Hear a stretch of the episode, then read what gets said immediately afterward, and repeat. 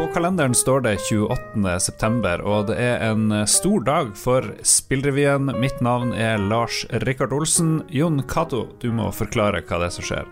Ja, vi har det. Mange trodde at ukas største nyhet var at Microsoft har kjøpt Zenimax, som vi hadde spesialsending om eh, tidligere uh, for noen dager siden.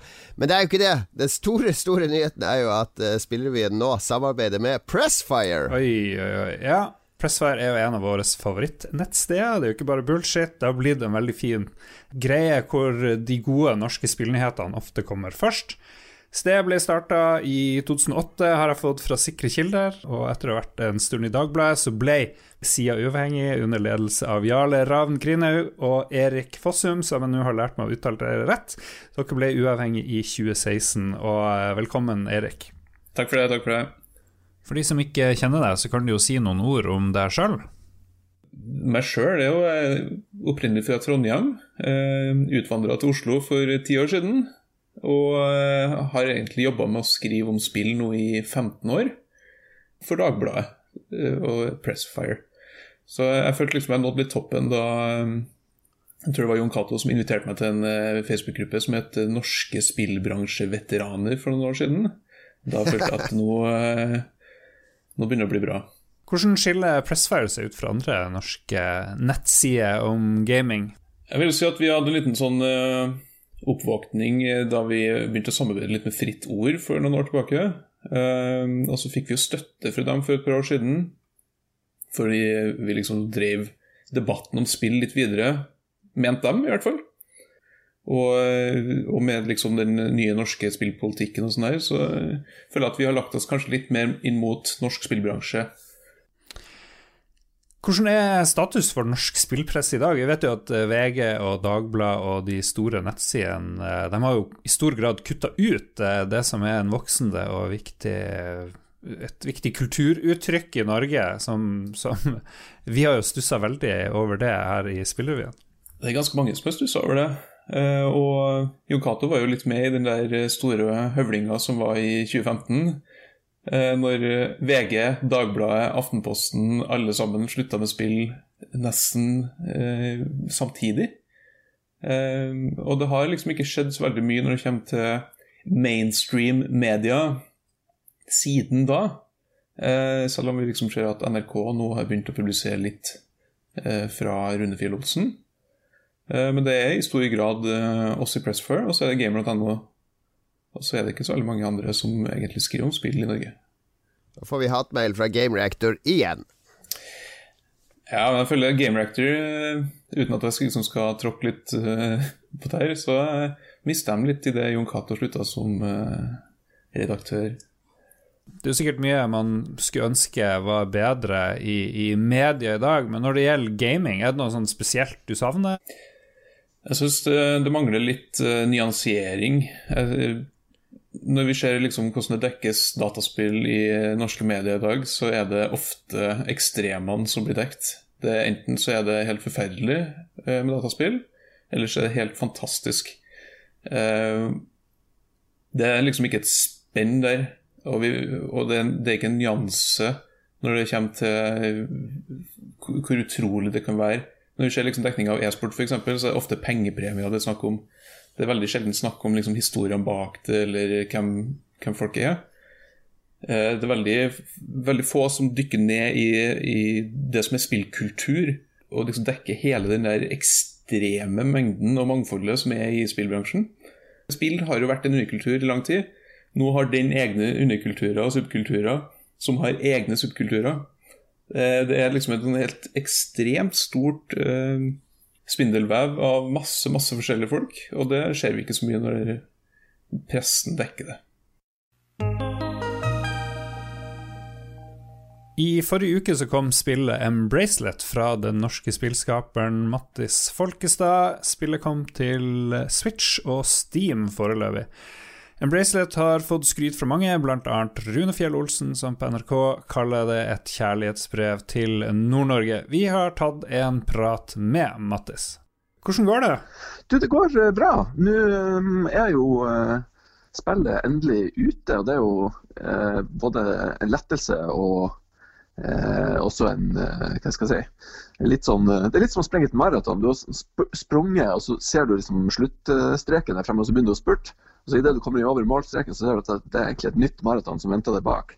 For nå etter, etter release er det jo eh, oppdateringer og følge opp eh, fikse små bugs og følge opp for folk som skal anmelde og eh, andre forretningsforbindelser som ønsker å gjøre noe videre. Så det er liksom bare Og så ringer det noen plagsomme podkaster òg. Det er jo bare, bare stas. ja, men det er bra. Tusen takk for tida. Det er, jo, det er jo bare noen dager siden spillet kom. og hva skjer fremover nå? Altså, Nå um, ser jeg jo på muligheten for å kunne uh, gi ut spillet på flere plattformer. Det er absolutt en, en, en mulighet. Uh, så Det er liksom den store planen videre. å se liksom hva, er, hva er det slags muligheter det her spillet kan ha på, på andre plattformer der det kan uh, funke også veldig bra. Så Det hadde jo vært veldig kult på tida, med tida å fått f.eks. til en IOS-versjon i framtida. Det er liksom drømmen. da, så om det teknisk sett lar seg gjøre. Ja, og så har du PlayStation 5 og Xbox, kan jo de nye hete. Det er, jo, det, er jo, det er, jo, viktig for deg at du får spille med jeg vet ikke, 4K og 1000 frames. ja, spillet faktisk funker veldig bra. Hvis du har en PC som driver det, så, så funker det bra i 4K og 60 FPS. Så det, jo, okay. Eh, det, det, ligger jo eh, klart for de nye konsollene. Så hvis eh, Xbox og PlayStation hører på, så call me. Artig. Ja, så jeg er showcase for nye, ny teknologi. Men um, seriøst, spillet ditt ser jo Det har en egen look, syns jeg. Det er ikke så mange spill som ser ut som ditt. Hvordan, hva du tenker rundt det? Altså Det er jo uh, måtte, utfordringa med å, å, lage et spill for seg sjøl. Det er å liksom finne, finne, en eller annen stilisert uh, art direction på prosjektet som gjør at du både kan fullføre det, men også at du kan få det til å se passe sånn interessant ut. Så uh, Med dette spillet så var jo målet å lage en, finne en stil som både gjorde at jeg kunne klare å lage alt som skulle spille, men også liksom lage noe som, som grafisk sett så ganske um, stilrent ut, da, og som gjorde at du liksom kunne levd litt inn i det uten at du Uh, uten at detaljene egentlig var der. Så det er litt sånn som oppdatering av den gamle pikselgrafikken uh, uh, som vi vokste opp med, liksom, der, der, man måtte liksom fantasere litt mer rundt spillet for å virkelig leve seg inn i historien. Så, så, er det her litt det samme. at du, du måtte, må tilføye litt av, av din egen kreativitet inn i når du spiller spillet. Jeg tenker Det må være mange utfordringer med å lage et spill sjøl. Du, liksom, du, skal rekke å gi det ut mens du er i live, så du må ta noen valg der, tipper jeg. Men hva, hva, er de store fordelene og hva er de store bakdelene med å lage et spill alene? Jeg tror Fordelen er jo at uh, man kan være veldig tru til sin egen visjon om hva man har lyst til å, å få til. det. At man, uh, altså Med Bracelet så hadde jeg jo liksom en, en idé om hvilken følelse jeg hadde lyst til, og hvilken historie jeg hadde lyst til å fortelle gjennom et spill. Eh, og Det tror jeg hadde vært vanskelig liksom, hvis man skal prøve å selge det her inn til en uh, stor kommersiell uh, aktør. Så Det tror jeg er liksom den store fordelen, at her kan man være personlig og lage noe som er litt uventa og som er litt annerledes. Så er det selvfølgelig Ulempen er jo, de er jo enormt mange. da. Det er jo klart du skal, du skal lage hele spillet. da. Det er jo ekstremt masse innhold som må lages i et sånn type spill med masse handling. Eh, og så skal selvfølgelig historien henge på greip, og figurene skal være godt utvikla. Altså arbeidet tar jo aldri slutt. Så det er jo det, det er egentlig mm. mest det at det er sånn ekstremt altså Spill er sinnssykt masse jobb. jeg hadde nesten glemt det før jeg begynte, men det er, det er, det er helt latterlig. Jeg liker å, å, spille et spill på dialekt. Er det din egen dialekt du har slengt ut på, på denne øyboerne? Det er vel kanskje en sånn uh, grotesk mutasjon, kanskje. For det er vel Det, det er jo nordnorsk, men uh, sikkert ikke sånn som uh, Sånn som alle i, i Nordland fylke ville vil, ha sagt ting. Så jeg, har jo ikke bodd i Nordland på over 20 år, så det kan godt hende at det er litt annen type dialekt som dukker opp der. Men eh, målet var jo at det skulle på en måte føles som at det her er eh, folk som bor et sted nordpå. Og det håper jeg jo at eh, teksten har klart å formidle. Ja. Det føles ganske fresh. Det er litt artig å spille et spill som er på tilnærma min egen dialekt. Det skjer jo ikke så veldig ofte. Nei. Det er vel kanskje verdens første nordnorske dataspill, vil jeg tro. Hm. Det er jo ikke verst, bare det. Men du er den første som kanskje lager spill på nordnorsk. Er, det, er du da spillverdens svar på Tungtvann? Jeg tenker jo de var jo først med rapp på nordnorsk. Ja, ikke sant. Ja. Ja, jeg, tenker jo kanskje at det, det kanskje er god sammenligning. hva, hva du tror du gjør med spillerne når de får en sånn dialekt slengt i trynet? Nei, altså De første anmeldelsene på norsk har jo vært egentlig positive til det at de likte det at å, å, å spille, spille, på norsk, og at de hadde en nordnorsk dialekt.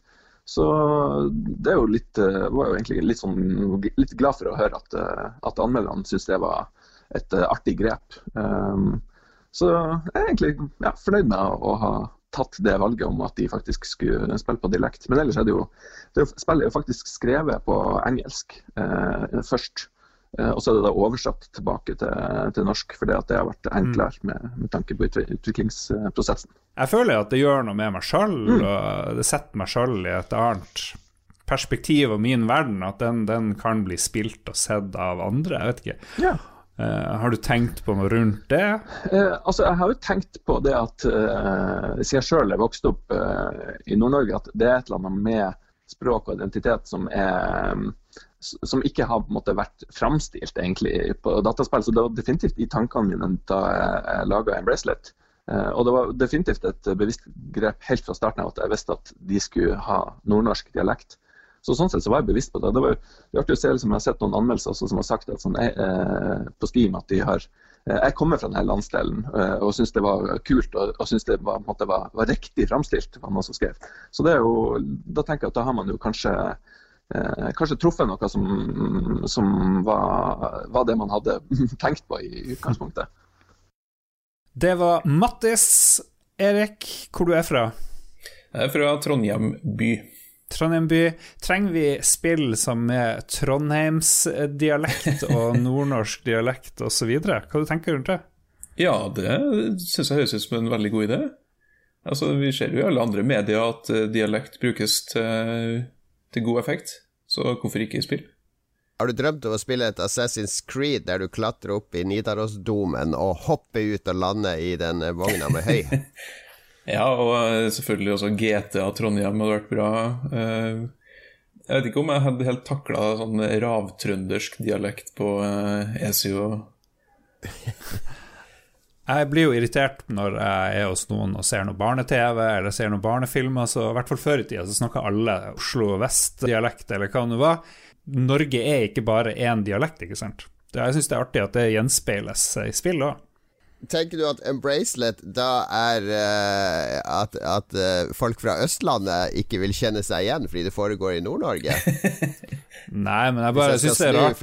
Men det ville jo vært rart hvis alle på uh, en øy i Nordland skulle prate sørnorsk eller ja. østnorsk eller et eller annet. Det blir jo veldig tydelig når det blir gjort feil på den måten der. Til slutt, hvor imponerende er det å lage et helt spill helt alene i 2020? Mattis har vel lagd musikk og hele greia sjøl?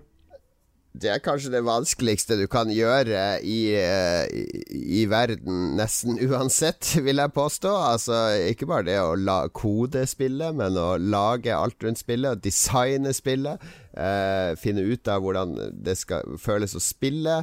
Og også hele den pakka med å få produktet inn i eh, nettbutikker, få det ut, markedsføre det, eh, konvertere det til Switch. Bare det i seg sjøl er ganske utfordrende. Så eh, det, det, er, det, er, en grunn til at det er veldig få soloutviklere nå. Altså Det er noen få som klarer det, og mange som går under ved å prøve å klare det.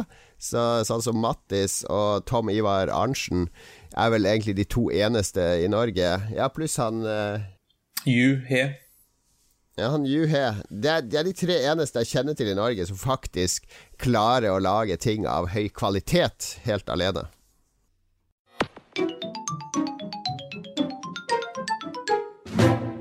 Amazon kommer med en egen strømmetjeneste for spill, fikk vi vite her om dagen. Tjenesten skal hete Luna og er tilgjengelig i Amazons Fire TV på PC, Mac, IOS og Android. Strømmetjenesten skal også integreres rett i Twitch på en eller annen måte. Og prisen er i utgangspunktet seks dollar i måneden. Vi er jo så heldige nå, Erik, at eh, jeg og Jon Cato slipper å sette oss inn i denne saken, for du har allerede skrevet masse om det her. Ja. Hva skiller Luna seg fra andre strømmespilltjenester? Nei, altså nå er jeg litt i en sånn merkelig posisjon her, fordi eh, Luna leverer litt den der lovnaden om en Netflix for spill. Eller skal vi si eh, Twitch Prime for eh, spill. Fordi her betaler du en liten fast sum. Eller den er foreløpig liten, i hvert fall. Den skal bare være i early access ennå. Og så får du med 100 pluss spill. Så litt sånn som eh, Xcloud kanskje også kommer til å gjøre det, og GamePass. Eh, men her er det altså Google Stadia, bare at du slipper å kjøpe hvert eneste spill. Så er det litt sånn spesiell ordning her, fordi det deles inn i kanaler. Så når du er med på den tjenesten her, så får du tilgang til Luna Pluss, som er en kanal med 100 pluss spill på.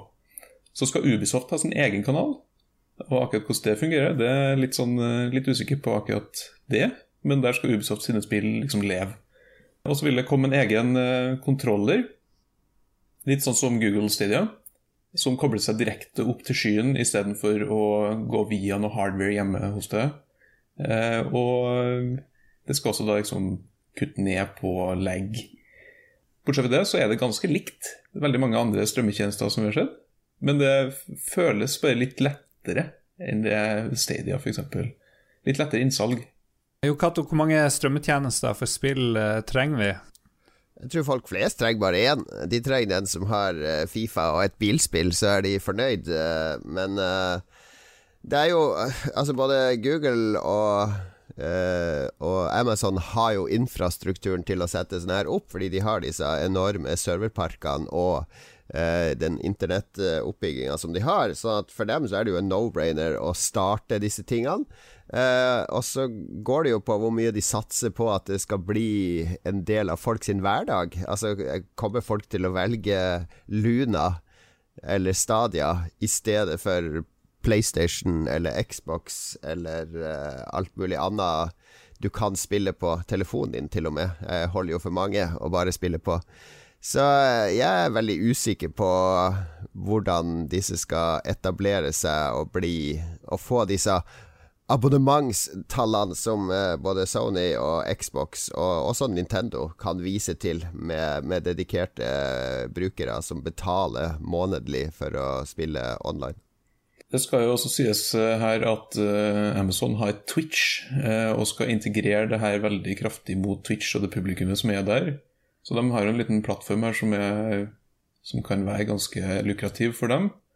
Men jeg vil jo si at det viktigste her er at det kommer en utfordrer til sånn som Stadia. For Stadia har liksom ligget Det ble lansert, og så har vi ikke hørt så mye siden. Og så har Amazon eh, også lagt seg på en litt eh, lettere lest for utviklere. Eh, de kjører bare helt standard Windows-maskiner i skyen, i motsetning til Stadia, som er liksom Linux. Så for utviklere så er det bare å dytte spillet sitt inn som om det er en PC-plattform. Og det vil jeg tro gjør at det vil være langt flere spill på den tjenesten her på Stadia. Så utvalget kan også bli bedre. Det er en viktig satsing fra både Microsoft og Sony å komme med nye maskiner uten diskdrev. Nå begynner det å spøke veldig for de fysiske formatene her, å eie de. Det er jo slutt på å eie spill, egentlig. Er det rett å si? Nå, du kjøper en lisens til spillet i stedet. Men det er jo ikke noe problem i forhold til musikk og film at uh, du har slutta å kjøpe musikk og filmer, men uh, ser de via strømmetjenester. Altså, det er jo bare et mindset, tenker jeg. Det som skiller disse strømmetjenestene her litt fra, fra f.eks. film og TV-serier, er jo at vi abonnerer jo på HBO fordi vi vil se Game of Thrones eller Succession eller disse HBO-eksklusive seriene. Uh, samme grunn er det jo til å abonnere på Amazon, er jo kanskje fordi man vil se Documental eller andre ting. Altså Det er de eksklusive tingene som gjør at du går inn på plattformene. Hvilken strømmetjeneste du egentlig ser på, er egentlig helt irrelevant. Uh, og det er jo ikke tilfellet verken med Stadia eller Luna eller med GeForce Now. Det er jo ingenting der inne som er dette kan du kun spille på Luna. Ergo, ergo lokkes du til å betale seks dollar i måneden for å spille det. Uh, ikke sant? Xbox og PlayStation og Nintendo er jo Det er jo spillene, de eksklusive spillene, som trekker deg til plattformene.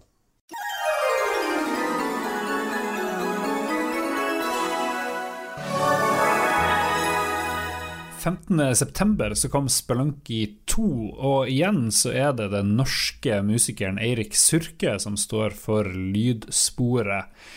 Jeg tok nylig en prat med musikeren som også har bidratt eh, til spill som Hotline Miami og Ridiculous Fishing. Første man må spørre, det er jo det sportsspørsmålet. Hva føler du nå? Hvordan er det å være del av et nytt Spelunky-spill som er ute? Uh, det er litt sånn Litt uh, av alt, kanskje, foreløpig. Um, ikke helt hvilket adjektiv som uh, passer best, ja, men det er litt sånn overveldende. Det er jo kjempegøy, og så er det sant, kommer noen snags underveis, noen bugs og noen ting, så da er det full krise. Så, uh, litt opp og ned, men for det meste så kjennes det veldig bra. Det har vært gøy å se folk spille spillet og virker som det er godt mottatt lenge siden din del av spillet var ferdig, eller har du vært eh, med helt til siste slutt? Det var liksom på ned til siste sekund for min del også. Eh, det er jo litt sånn det har blitt nå i nyere tid, så kan man jo oppdatere spillene litt mer hele veien, i og med at det ikke skal presses fysisk og sånn. Så ja, jeg er egentlig ikke helt ferdig ennå, skal jeg være helt ærlig. Ok, ok. Hva er det som gjenstår? Nei, det er bare sånn en håndfull håndfull lyder som jeg bare ikke rakk. Som ikke er noe viktig, da, men det er bare sånn detaljting som jeg mm. um, ja, som jeg vurderer å putte inn. Uh, det kommer jo ut på Steam på tirsdag, så jeg liksom satt det som en slags uh, ja, en slags endelig deadline for meg selv da, for å fikse eventuelt sånne småting. Men det er jo bare, er bare ting jeg gjør for min egen del i så fall på det tidspunktet. Da jeg leste om det første spillet og så om det andre, så så jeg at han Derek, han hoved, hovedmannen, han tenkte ok, jeg gidder ikke lage det her hvis ikke du er en av de som er med på laget. ja, vi er jo, er jo, vi er jo indies, og vi er jo et lite team, liksom. Altså, vi er jo bare eh, venner som, som, lager ting eh, sammen, så jeg tror det var naturlig. Um, det er jo hyggelig å høre da, at jeg var tiltenkt hele veien, men vi snakka jo også om Spelenki 2 før vi ga ut Spelunk igjen, på en måte. Den går dypt tilbake. Hvordan er det dere jobber i lag, eh, sånn i praksis? Eh, ja, ja det, er ikke, det er jo ikke helt eh, vilkårlig, kanskje. Men det er i hvert fall veldig effortless, da. Vi har liksom nesten ikke hatt noen møter eller noe sånt. Jeg har ikke vært på det eneste møtet. Um, okay. altså, vi, vi, stoler på en måte på at hverandre gjør uh, sin jobb. Og så når det dukker opp noe, så tar vi det liksom bare fortløpende. Så har vi hatt et svært designdokument som er som et levende dokument, da, hvor ting går inn og ut ettersom man har ideer. da. Også som lyddesigner og komponist så har jeg um, vet ikke, jeg syns ikke det er spesielt tilfredsstillende å bare være lydfin lenger. Da. Jeg føler at jeg gjør en mye bedre jobb hvis jeg også Når jeg sier at jeg skal putte lyden på en laserpistol, liksom, at jeg også har en uh, tanke om hvordan farge den laseren skal ha, hvordan partikler og hvor mm. farlig den skal være. Eller altså i hvert fall at disse tingene um, henger sammen. da. Uh, for det er jo på en måte der magien av et spill kommer. At uh, disse tingene styrker hverandre. Sant? Mens jeg føler noen prosjekter hvor du bare setter en fyr til å lage lyd og lage musikk, så ender du opp med at uh, det visuelle og det soniske ikke nødvendigvis underbygger hverandre på alle de kuleste måtene. Ja. Um, så jeg nå velger prosjekter hvor jeg har, om ikke den makta, så i hvert fall har eh, folk som verdsetter min feedback der også, sånn at vi kan jobbe sammen om noe. Er det, men er, tenker du at du skal lage noe større spill? Du har laga noen små spill? Er det noe sånn OK, nå skal jeg være regissøren, liksom? Um, jeg vet ikke om jeg vil det på noe større spill, men jeg kan helt uh, absolutt se for meg å lage en del mindre spill uh, fremover på egen hånd. Jeg er litt sånn usikker i hvilken grad jeg ønsker å gjøre det kommersielt. Jeg tror at mine min smak eller estetikk da ofte lener seg inn mot ting som ikke nødvendigvis egner seg til å være kommersielle prosjekter. Ja. Så jeg det er, det er derfor det kanskje også funker bra som en sånn sideting. Altså mens jeg kan brødfø meg selv med å skrive musikk, så er det jo vanskelig å klage på det. da. Hvor mye, hvor mye spelanke har du spilt eh, i det siste? Spelanke 2, altså. Um, nei, altså, det som er litt interessant, er at det er egentlig først nå som det har kommet ut, at jeg har, eh, at jeg har spilt det litt.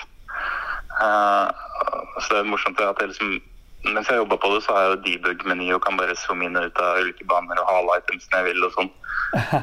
Um, så jeg har ikke spilt det så mye da. Eh, så jeg, tror, jeg hadde liksom 1000 timer i Spelunky 2 før jeg egentlig spilte det. Men um, det er interessant, for at det, liksom de siste månedene så har jeg bare sånn, gleda meg til at det har kommet ut først og fremst for at jeg skal slippe å, å se det spillet igjen, høre det igjen. Men så snart det kom ut, og liksom uh, har sett på folk spille det på Twitch og sånn, så har det liksom vært en sånn her 180. Nå syns jeg det er uh, et veldig kult spill. Altså, Jeg har spilt litt selv òg og syns det er kjempegøy. Så jeg vet ikke. Veldig merkelig eh, hvordan kan man kan liksom gå fra å være så ferdig med noe, så plutselig eh, Når det kommer i andres hender og sånn, så er det, føles det som et helt annet eh, produkt, liksom. Så jeg spilte lite grann. Um, spilte litt coop med samboeren min. Uh, det var kjempegøy. Og egentlig lyst til å spille det mer. Og det er liksom ikke noe jeg kan si om alle spill jeg jobber på heller. Så det er jo en kul følelse, da. At man føler for at man har lagd noe som er uh, verdt bryet, verdt jobben. Det er et sykt bra spill, men jeg er utrolig dårlig. Jeg driver og dør. Jeg dør så mye, og det er helt vilt hvor mye jeg dør. Men det er jo ikke et spill som er vanskelig for at det skal være vanskelig, liksom. Det er jo et spill som er vanskelig for at vi føler at det er viktig at valgene dine har konsekvenser. Så det er bare sånn at i dette spillet så er den konsekvensen ofte at du dør, da. Men, uh, men spillmediets største styrke, føler jeg, er jo at du kan få gjøre valg som er verdifulle. Og Sprenk er jo et spill fullt av verdifulle valg. Da, men da ender det opp med å bli vanskelig. Ja. Det Men det er det. som er forlokkende med det også. Altså, er liksom, hvis vi hadde tatt vekk det, så jeg, jeg vet ikke helt hva jeg sitter igjen med da, på en måte. Dem som er ute etter PlayStation 5 har hatt noen vanskelige dager i det siste. Stor etterspørsel og begrensa tilfang av maskiner gjorde at eh, steder som Elkjøp ble tom på 15 minutter. Men den kanskje største snakkisen er jo alle e-postene som Komplett har sendt ut til sine kunder. Og Har du fått med deg det her, Jon Cato? Hva står i de her e-postene? Ja, den sletta jeg med en gang i sinnet. Nei, Der står det 'dessverre så er det så stor pågang at du ikke kommer til å Antagelig ikke kommer til å få maskin i eh, år. Eh, og så var jeg inne på ordresida, så så jeg at de estimerte Altså, jeg bestilte i mai. Eh, så var, jeg trodde jeg var ganske tidlig ute, men der står det estimert eh, juli 2021. Jeg har hørt folk som bestilte i eh, april. De får heller ikke noe maskin i år. Så eh, jeg skjønner ikke helt hva som har skjedd. Erik, er det veldig stor etterspørsel her, eller er det bare få maskiner? Har du noe innsyn her? Jeg tror det er en eh, god miks. Så vidt jeg har hørt fra Nordisk Film, som er importøren av PlayStation til Norge, så er det helt ekstremt trykk. Eh, Men også Det er ikke mange nok maskiner. Nå sier jo Sony at de skal ha flere maskiner i markedet enn de hadde på PS4-lanseringa, men det var ikke fryktelig mange der heller. Det er tydelig at folk er sultne på en ny PlayStation. Og da, det, da blir det bananas. Og så åpna jo Komplett opp i april, tror jeg det var, eh, for eh, forhåndsbestilling. Og har ikke gjort en god jobb der, virker det som. Styre for, Forventningsstyring er det Ja. komplett har feila på her. Fordi de har jo bare åpna luka og sikkert sluppet inn 1000, kanskje flere tusen, som har bestilt PlayStation der og tenkt nå er jeg tidlig ute, nå er jeg sikra meg en. Uh, og så havner du i en sånn endeløs eh, lang kø. Men jeg tror jo at uh, Sånn som Elkjøp Altså, jeg kan ikke skjønne at det er flere maskiner enn det har vært før. Fordi hvis du går 20 år tilbake i tid, til uh, PlayStation 2 og sånne ting Når jeg var med å selge disse maskinene, uh, så, så, var det mange flere butikker som skulle ha maskiner. Mm. Altså Det var en haug med utsalgssteder. Det var Spiderman, Akersmik, Free Record Shop, Ram og Rom, det var Musikkverket. du hadde Elkjøp, Ekspert, mange av de som er nå, CD-On. Og alle da, alle da, fikk maskiner fordelt på en masse små utsalgssteder. Altså Vi hadde fem PlayStation-maskiner i Akersmik, eh, Liertoppen, 20 i Oslo osv. Det var nok maskiner til alle forhandlere. Og så med PlayStation 5 så er det liksom eh, komplett. Power og Elkjøp og CD-On er vel de fire som har. Det er det samme med Xbox. Det er de fire som har fått maskiner til å selge. Uh, Game, GameZone i, i, Kristiansand, som er den eneste indie-butikken som er igjen, de får jo ikke maskiner i det hele tatt fra Sony. Så det kan jo umulig være like mange maskiner som det har vært ved tidligere lanseringer.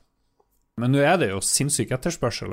Vi sitter jo alle hjemme og har uh, eh, slutta å gå ut på byen. Vi, det er ikke noe breddefotball. Liksom. Det er alle de her uh, hobbyene mange har. Slutt å gå på kino det å få seg en maskin, enten det er Xbox eh, eller PlayStation, virker jo veldig, veldig smart å gjøre akkurat nå, da.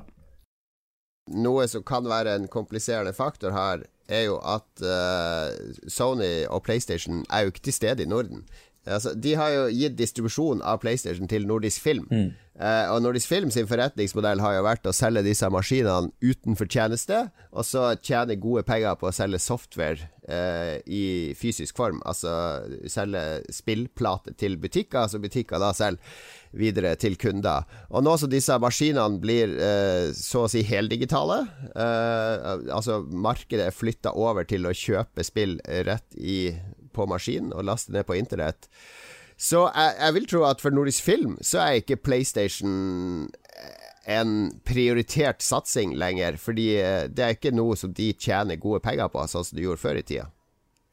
Jeg, jeg vil uh, kontre det litt. Fordi jeg kjenner ja, jeg kjenner en uh, tidligere sjef i Nordisk Film som uh, jeg nylig snakka med, og han sa at PlayStation 4 sto for en betydelig andel av uh, omsetninga til nordisk film og redda litt resultatene deres i mange år. Men om det vil bli sånn videre med PlayStation 5, det vet vi ikke.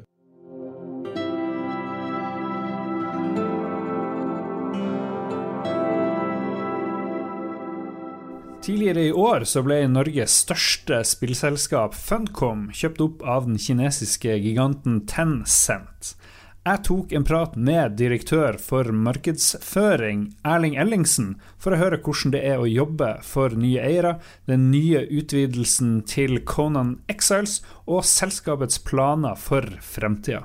Erling, dere har nylig gitt ut I Love Sipta-utvidelsen til Conan Exiles. Fortell litt om hvordan det har gått. Jo, eh, vi, jeg vil si at vi har fått veldig mye positiv presse. Veldig, veldig mange av journalistene som spilte det, har hatt mye positivt å si. Uh, vi har også hatt uh, veldig god uh, pickup på uh, streamere og youtubere. Jeg tror vi hadde Over flere dager så hadde vi 30 000 pluss Eh, samtidige mm. seere på Twitch, og det var jo veldig bra. Og her om dagen så, så jeg faktisk en, en vietnamesisk YouTuber som hadde lagt ut flere, flere videoer. Og han, eh, han, hadde på to av videoene så hadde han over en million views på hver video. Så det, det er jo litt uh, morsomt. Søndagen, F.eks. søndagen etter lansering så hadde vi tre ganger så mange spillere på én dag som søndagen før lanseringen og før Free Weekend vi gjorde. Også CCU-en, altså Concurrent Users, um, samtidige spillere, var også tre ganger høyere. Uh, så det, det, viser jo da at, det, at det, uh, folk spiller, i hvert fall. Altså Du må jo faktisk helt tilbake til lanseringsmåneden i mai 2018 for å se lignende tall. Så det er um, det er veldig morsomt, syns jeg. da. Conan Exas har jo vist at det har veldig lang levetid. Altså Folk spiller det og fortsetter å spille det over, år etter år. Eh, og nye spillere kommer inn. Eh, og jeg tror, altså Hvis vi går tilbake til januar 2017, hvor vi, når vi startet Early Access, så tror jeg ingen av oss Ingen av oss trodde at det ville ha så lang levetid, at det ville bli så mm. stort som det ble. Eh, for det endte jo opp med å bli det endte jo opp med å bli det mest innbringende og raske selgende spillet som, som, Funcom har lansert. Ja, Hvor mange er det som har spillet i dag? Tilgang til spillet i dag? I dag så er det over ti millioner som, har, som, som, eier en kopi av spillet. Eh, hmm. på, altså på tvers av plattformene. Så det, er, det, har blitt, det, har blitt, mye større enn vi trodde det skulle bli. Hva er status ellers for Conan Exiles? Er det, er det, det er jo så mye folk som spiller det, så dere kan vel ikke bare slutte å utvikle ting? Nei, Overhodet ikke. Nei, nei, absolutt ikke. Og det, det, er jo, som jeg sa, at vi, vi, når vi lanserte dette i Early Access, så så vi ikke for oss at vi skulle jobbe med det alle disse årene etter. Uh, vi tenkte, vi, vi håpte jo selvfølgelig det ville bli stort og populært, men at vi da ville bevege oss videre etter hvert. Uh, etter vi hadde lansert det i, i in full. Uh, men det har vist seg å være så populært og, og innbringende for, for, selskapet at vi, vi har fortsatt å, å, legge betydelige ressurser på det. Uh, og Fokuset vårt nå er da selvfølgelig at vi skal gjennomføre Early Access for uh, Isle of. Uh, og fullanseringen av den blir i tidlig 2021. og da, da, kommer vi til å lansere det på alle plattformer, eller, altså PC, Xbox og PlayStation for oss er det veldig viktig å følge med på tilbakemeldingene, sånn at vi kan gjøre justeringer. Altså det, det, det, er ikke bare noe vi sier at vi gjør. Det, det kan sikkert mange tenke at ja, ja, de, de, har en plan, og så gjør de, gjør de det de allerede har planlagt. Men vi, det var liksom dagen etter vi hadde lansert, så begynte vi å se på kommentarene at ah, ja, ok, vi, dette må vi gjøre litt annerledes.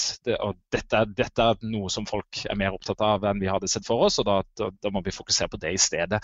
Og Det er en av grunnene til at vi har ikke vi har ikke gått ut med et detaljert roadmap over hva som kommer til å skje mellom nå og lansering. Det er fordi vi nettopp trenger å se hva de første reaksjonene er, og så må vi justere det roadmapet ut ifra det. Vi har jo selvfølgelig planer, er, vi har ganske store ting vi, vi, vi, har planer om å gjøre. Men uh, spesielt de, de, mindre tingene mellom nå og lansering, det, det er veldig flytende ut ifra hva folk sier, da. Vet vi hvor mange det er som, som gjør noe for Conan Excels?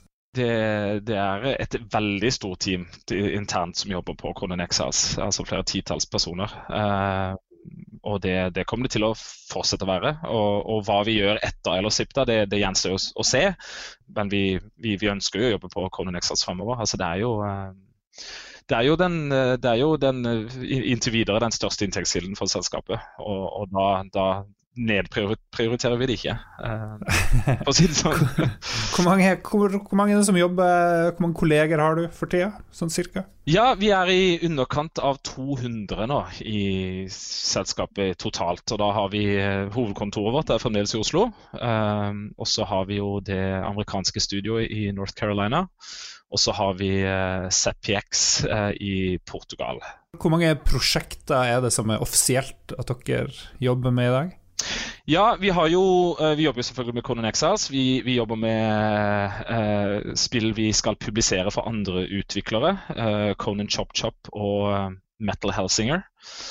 Uh, og så jobber vi med June-spill. Vi har jo da tegnet en avtale med Legendary, som er en eksklusiv avtale som går over seks år.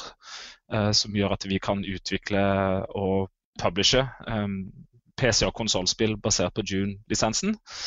Uh, ja. Og vi har jo sagt at vi forplikter oss til tre. Uh, det kan jo bli flere, selvfølgelig. Uh, og akkurat nå så er det to June-spill i utvikling. det ene kan jeg ikke si så mye om, men det andre er et, et open world survival-spill i samme bane som Conan Exiles, men i åttende mm. potens. Altså stort, massivt. forhåpentligvis June-verdig.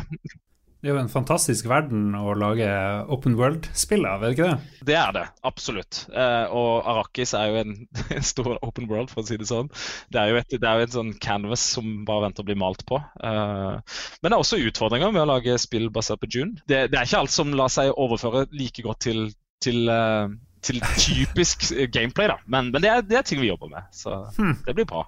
jeg har jo lest bøkene, og så har jeg spilt spillene, og så er jeg jo stor fan av den syke filmen til David Lynch. Mm. Så jeg vet ikke, Henter dere inspirasjon fra alle de her tingene, eller hva, hva er det liksom dere baserer dere på? Vi ser på, ser på hele universet, uh, det gjør vi. Uh, Eh, nå skal ikke jeg gå i altfor mye i detaljer, for vi er ikke klar for å for fortelle særlig mer om spillet akkurat nå, men, men det gjør vi. Vi ser, på, vi ser, på, hele Lauren, for å si det sånn. Og så jobber vi jo veldig nært med Legendary, eh, med, med, filmskaperne. Eh, så vi, vi, vi, har jo sett ting før andre har sett det, og vi har fått tilgang til ah. eh, sånne design bibles fra filmproduksjonen. Så det er spennende. Hvordan er det å jobbe med nye eiere? Dere er jo ikke lenger et uh, selskap på børs. Nå er det Tencent som eier mm. rubbel og bit. Det er det. Det er det. Um, for oss har opplevelsen så langt bare vært positiv. Uh, udelt positiv. Uh, de, en av de tingene som vi er veldig glad for, er at de, de ønsker å gi oss den autonomi til å utvikle selskapet og utvikle spillene våre. Det er ikke sånn at det, det, det rykket inn en 20 eh, menn i dress som sitter i et rom og forteller oss hva vi skal gjøre. Eh, Overhodet ikke. De er veldig, veldig fokusert på at vi, vi vet best på, på mange områder. Eh, og de har jo også stor respekt for dette med eh, spillutvikling. Og spillbransjen i Vesten er annerledes i, enn i, i, eh, mm. i, eh, i, Kina og Asia. men det har vært veldig lærerikt. Tencent har jo ansatt svært dyktige ledere innenfor spillbransjen. Eh, fra, fra, flere store selskaper, Ubisoft, Sega osv. Og, eh, og de har vi tilgang på. Vi kan snakke med dem når som helst. Vi har eh, Slack-kanaler, så vi kan snakke med dem i tekst når som helst vi måtte ønske. og alt dette, Vi ser at det er en oppside på det både på produksjonssiden og, og, og forretnings- og markedsføringssiden. Og, ja. Og så har, de, har de veldig solide prosesser og systemer, og da spesielt på f.eks. analyse. Eh, analyse av spill, business, markedssegmenter. Eh, de har jo store team som jobber kun med det. Eh, og det at vi da kan tappe inn på det, det er jo en helt ny verden for oss. Eh, og veldig, veldig, veldig, veldig, veldig positivt. Så, så, men de er, de er opptatt av at vi skal do our thing, uh, so to speak. Og, og, de vil at vi skal vokse og, og ja, det er en positiv opplevelse. Det er det. Det var jo noen som var bekymra for at nå ble, eh, ble, Funcom eh, sensurert av kinesiske eiere. Har dere opplevd noe sånn i det hele tatt? Tvert imot. Det, tvert imot. De vil, altså vi, det har jo vært ting vi ønsker deres input på, f.eks. Og det er i stor grad eh, Nei, dette må, dere, dette må, dere, gjøre slik dere føler er best. Hva som føler er riktig for dere, og, og hva som er riktig for deres marked eh, osv. Så, videre. så Så nei, det har ikke vært antydning til, til det.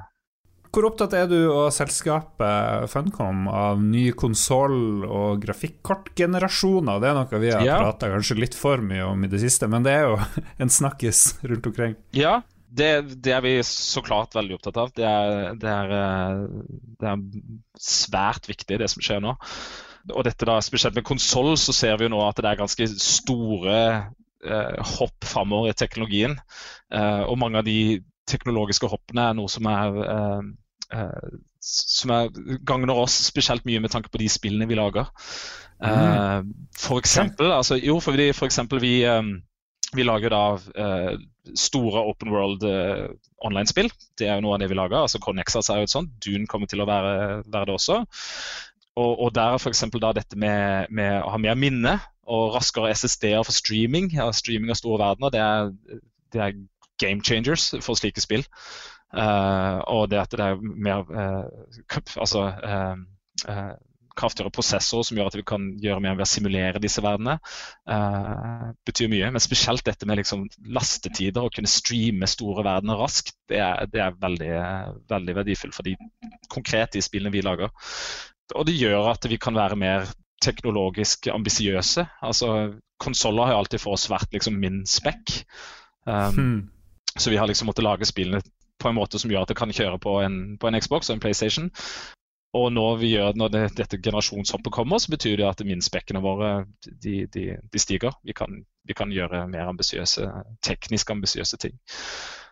Så det er, det er, veldig positivt. Og så er det jo veldig mye spennende, f.eks. dette med raytracing og, og, og, ting som er veldig synlig for, eh, for, for spilleren. Dette med f.eks. PlayStation-kontrollene, haptics. sant?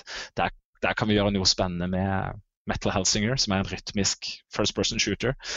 Um, så det er, det er en veldig, veldig spennende, spennende generasjonshopp. Det er det. Ja, Er du personlig gira for å teste nye PlayStation-kontrollere og Xbox-funksjoner og sånne ting? Veldig personlig gira. Altså, jeg har alltid, jeg har alltid kjøpt uh, alle konsollene. Uh, jeg, er ikke, en sånn person som er liksom Team Xbox eller Team PlayStation. Uh, når det kommer et, en, en, ny generasjon, så pleier jeg å kjøpe begge. Og, og Switch og, og, det Nintendo gir ut. Så, mm. så jeg kommer til å banke meg. Litt sånn bekymret for å få tak i de. Jeg har ikke preordered, må jeg innrømme. Uh, men Ja, da, da, sliter du, og du og jeg, litt. Jeg tenkte ja, at det skulle ja. ikke være så vanskelig å få tak i det her, men uh, holy moly. Nei, for send en e-post til uh, de jeg kjenner i Sony og bare 'vær så snill'. det gjorde jeg faktisk her om dagen med uh, det, det, det, De koblingene der utnytter jeg ikke det, i særlig grad på den måten, men uh, før lanseringen av Microsoft Flight Simulator, da, da sendte jeg en personlig e-post til, ja. til kontakten min i Microsoft. Så Vær så snill! og da fikk jeg liksom tilgang to dager før og bare Ja! jeg er nice. stor fan av Flight Simulator. Så. Det, jeg tror det er helt innafor. Ja, det er nok det. Tusen takk, Erling. Er det noe jeg har glemt å spørre om eller tenke på? Nei, det virket utfyllende, det. det ja, ja nei, det er spenn, spennende fremtid for selskapet, og vi, vi, er veldig glad for at vi er der vi er i dag. Uh, Funcom har jo vært gjennom oppturer og nedturer, men vi, vi, jeg tror vi er i en situasjon og uh, en posisjon som, som, er bedre enn noensinne. Så, så, det er veldig gøy å jobbe i Funcom akkurat nå. Erling høres superhappy ut. Uh, er dere overraska over det? Det høres ikke ut som de er noe sånn spesielt begrensa av kinesiske eiere. Eh, nei, jeg tviler ikke på at de er fornøyd. Eh, fordi det å ha en eh, styrtrik eier i ryggen som eh, ønsker at eh, man skal fortsette å være kreativ og gjøre det man er flink til, gjør jo at du kan senke skuldrene litt, og du slipper å leve med den der uh, mindsettet hvis du er i ledergruppa at om tre måneder er vi blakk, om uh, fire måneder må vi ha det her ferdig, ellers så går vi konkurs, osv., osv. Så, videre, og så, så jeg, jeg, tror jo umiddelbart at, uh, at det her har vært en gevinst for Funcom. og jeg tror jo heller ikke at Tencent har agenter som sitter i alle disse assetene de eier, og skal detaljstyre det kreative eller utviklinga i noen som helst grad. Eh, det kan sikkert oppstå konflikter eh, som da blir løst, men eh, jeg tror ikke Tencent er en, en fæl eier å ha hvis du er et stort spillstudio. Som spilljournalist, Erik, har du opplevd at det er noe annerledes å forholde seg til Funcom etter at de fikk kinesiske eiere? Nei, ikke i det hele tatt. Uh, og det er litt som Jon Cato sier, det er sikkert hyggelig for dem å få en eier som bare er litt hands off. Og sånn historisk sett så har jo Tencent vært ganske flink. Uh, de har så vidt vi vet ikke vært veldig delaktige i uh, de studioene som de har kjøpt. Men så er det liksom Det er alltid litt den der Den der baktanken ikke sant, om at hva skjer hvis Funcom tråkker feil? Eller hva skjer hvis Norge tråkker feil? Eh, hvis det plutselig kommer en ny eh, nobelpris til en kinesisk aktivist eller Hongkong-aktivist, trekkes Funcom ut av Norge, liksom? Eh, det er jo en sånn Man tenker på det, men jeg tror i den daglige driften av Funcom så, så er det her kjempeflott for dem. Ja, tenker, Vi er jo kritiske mot Kina her, og det er vi ofte Det, det er vi ganske mange episoder. Men hadde det vært noe bedre om det var en russisk eier, eller en eier fra Saudi-Arabia, eller en uh, tysk megaselskap? Altså ja, det er jo litt forskjell på jo... Tyskland og de andre smått diktatoriske landene du nevner. ja, det er det. Det er jeg enig i. Hvis vi skal ta opp en sånn men... brannfakkel, så er det jo litt sånn uh Eh, Norge er jo en sånn posisjon som er nesten en sånn utfordrernasjon når det kommer til eh, spillutvikling. Når ting blir løfta frem fra Norge, f.eks. av NFI, som eh, finansierer norske spillstudier, og så blir det liksom løfta opp, og så blir det solgt til Kina. Det er en litt sånn tanke jeg har gjort meg med, med finansiering av spill i Norge, siden det er en så stor del av den totale potten, eller det som finansierer norske spill, er jo at da, da NFI finansierer spill som så blir kjøpt av utlandet. Vi har sett mange studier blitt solgt nå. Heter uh, Misk Games, hva? Ja, Misk Games. Den ble solgt til Sverige. Uh, og så ble jo uh, Playfish solgt for noen år tilbake. Så liksom, vi har de beste norske studiene kanskje blir solgt etter hvert som de blir store nok. Det er en ting som man kanskje bør tenke litt på Vi har vært innom det før. ikke sant? Mosaikk i Krillbite òg er jo en svensk publisher som, uh, som vi må dele Eller som Krillbite må dele inntektene med. Mm. Og også Pineleaf og Dwarfame-folka fikk vel en engelsk uh, investor. Uh, og det, det, er jo en av de største problemene for de norske spillskaperne, er at det er veldig lite investorvilje å finne i Norge.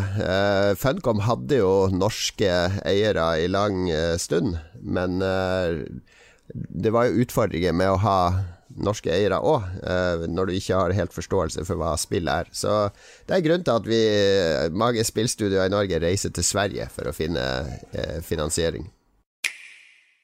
Som vanlig så tar vi en sjekk på hvordan spill vi syns ser spennende ut i uka som kommer. Og hva er det du biter merke til her, Jon Cato? Belær oss. Eh, helt riktig at jeg skal belære. Og eh, denne gangen har jeg ikke gått inn på spillkalenderen til gamer.no. Det er en nettside som eh, vi ikke lenger anerkjenner, eller tror eksisterer. Nå har jeg brukt spillkalender til Pressfire.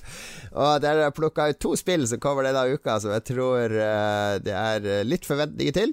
Det ene er jo nye kapitlet i Crash Bandicut-serien, Crash 4, som kommer 1.10. Uh, Undertittelen er 'It's About Time', så da kan vi jo spekulere i at det handler om uh, tidsreiser. Du skjønner hvorfor jeg har vært spilljournalist. Jeg klarer å dedusere sånn.